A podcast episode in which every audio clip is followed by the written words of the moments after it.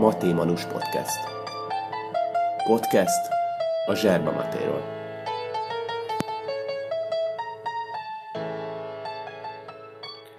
Szóval a nyolcadik kerület szélén matéztam eh, az urugvái Fábióval és a brazil juniorral, és eh, nagyon autentikus volt, egy pingpongasztalon terítette mindenki a, a saját matéját.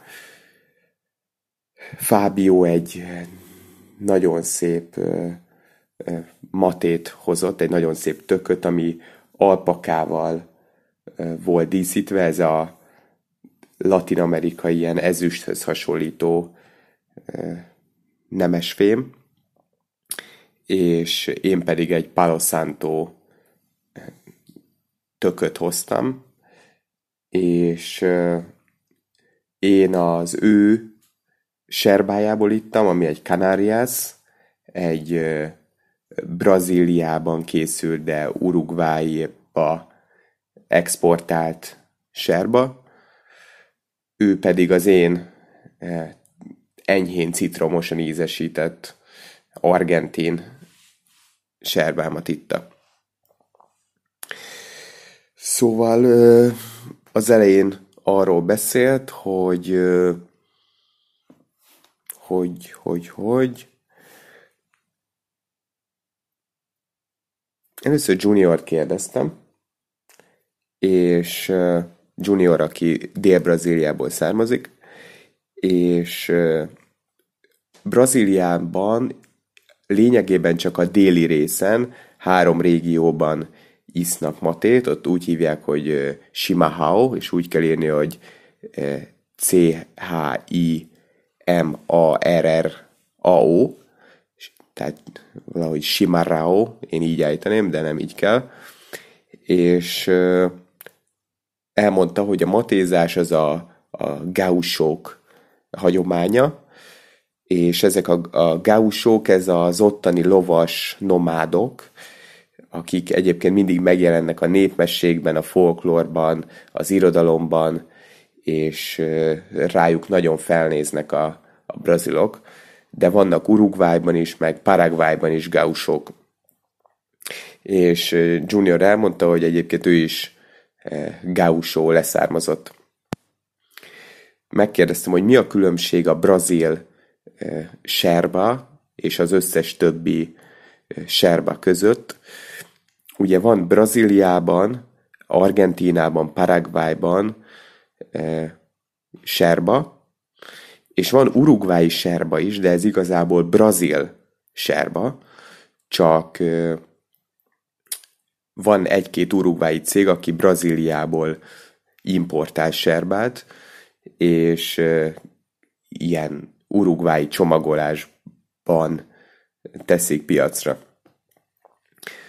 A különbség, hogy a brazil serba, amit más néven is hívnak, ugye Shimahao-nak, ez nagyon apróra van őrölve, és nincs annyira megfüstölve, mint az összes többi más serba. Tehát ez ilyen szinte porszerű. És az urugvái serba, ami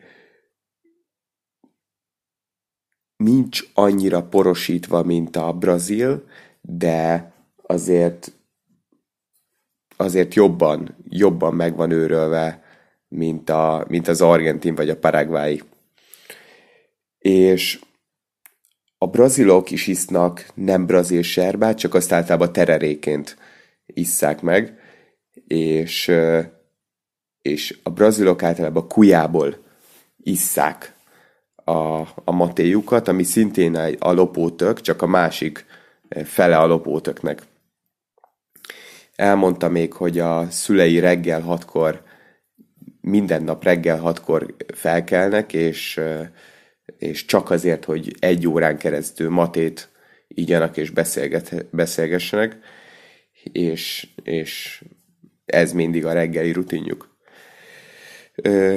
Miközben mi ezekről beszéltünk Juniorral, Fábio elkezdte a gyönyörű matéjába megcsinálni a, a, az italt, és, és úgy készítette, hogy felöntötte ilyen hideg, hát mondjuk úgy, hogy inkább ilyen langyos vízzel először, és arra egyből ráöntötte a, az ő forró vizét, amit egyébként én meg is kóstoltam azt a, azt a vizet, mert avval töltöttem fel a, az én paloszántómat, és nagyon forró volt a víz. Tehát kérdeztem is, hogy hogy, hogy ennyire forró, de mondta, hogy ez teljesen normális, ez nem annyira forró. Szerintem azért ilyen 80 fok legalább volt. Eléggé megégette a nyelvemet, és, és gyönyörű volt a, a bombísája, ami alpakkából készült, ami ez, a, ez az ezüst, amiről előbb beszéltem. A matéját, tehát magát a, a tököt azt három éve használja, és az anyukája hozta neki Uruguayból. Ő egyébként Barcelonában is élt, és, és azt is megtudtam, hogy, hogy 7 éves, 7-8 éves kora óta matézik. És fel is tettem neki ezt a kérdést, hogy mit szól ahhoz, hogy nekem a magyar anyukák azok mindig megkérdezik, hogy hogy, hogy, hogy ihatnak gyerekek is matét, vagy hogy én ne adjak gyerekeknek matét.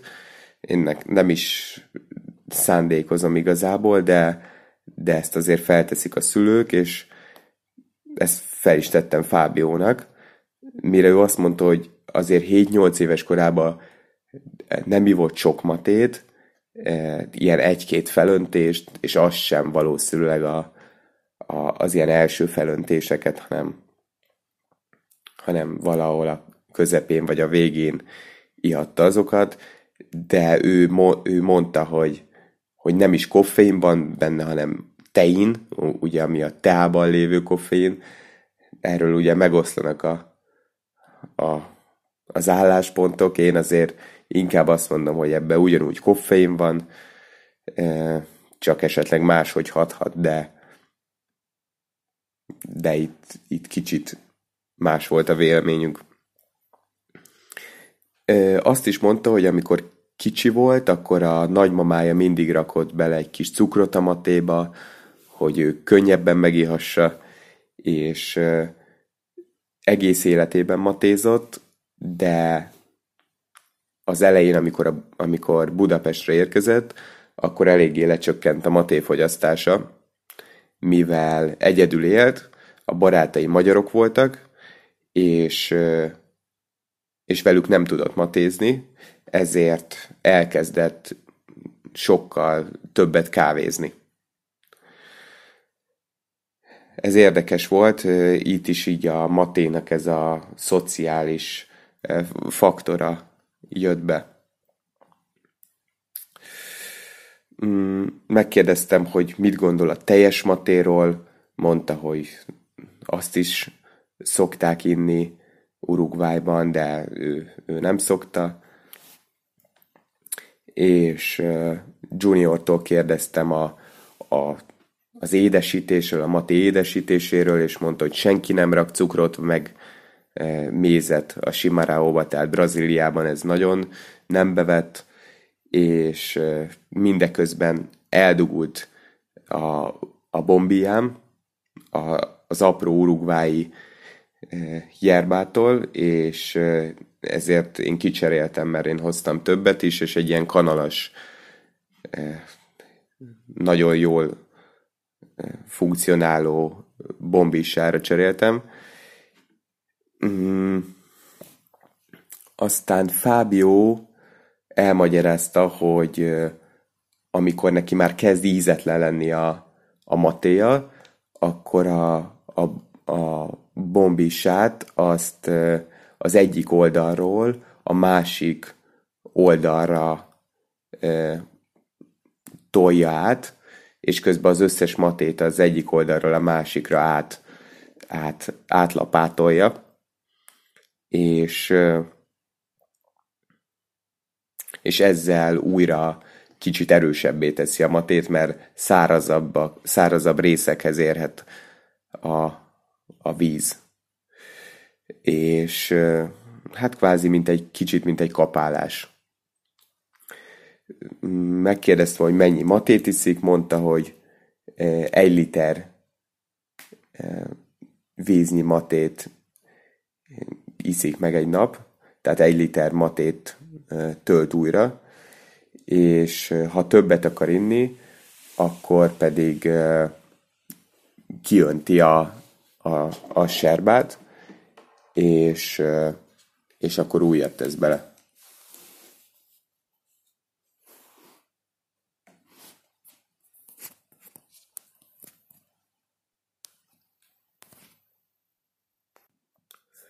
Juniortól kérdeztem, hogy hogy oldotta meg a Matéhoz jutást, és elmondta, hogy nem talált brazil kuját, tehát ezt a brazil lopótököt, és csak akkor matézik, hogyha vagy a Fábio, vagy egy, van egy másik argentin ismerőse matézik, és akkor ő is azt mondta, hogy egyedül nagyon nem jó matézni, és akkor itt megegyeztünk abban, hogy a maté az egy, egy társasági ital.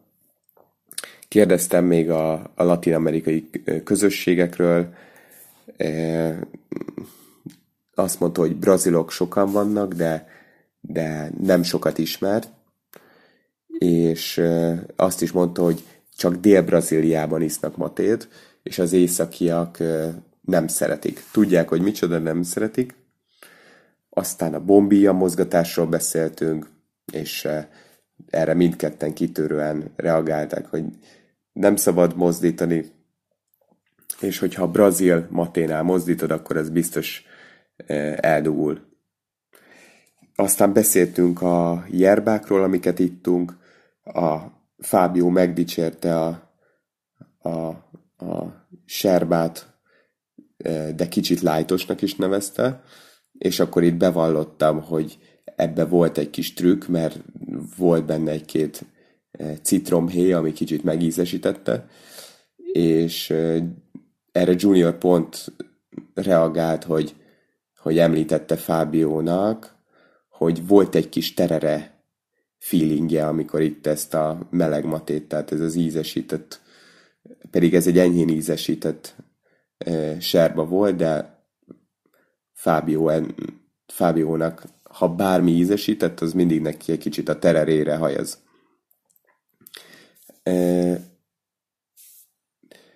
aztán még a vízről beszéltünk, ugye mondtam, hogy nagyon meleg volt a víz, amit a Fábio termoszából töltöttem, e, és erre Junior reagált, hogy ők nem mérik a víz hőmérsékletét, de ha elkezd forni, az biztos, hogy nem jó, és amikor a víznek van egy ilyen süssögő hangja, ahogy ő fogalmazott, akkor jó a hőmérséklet.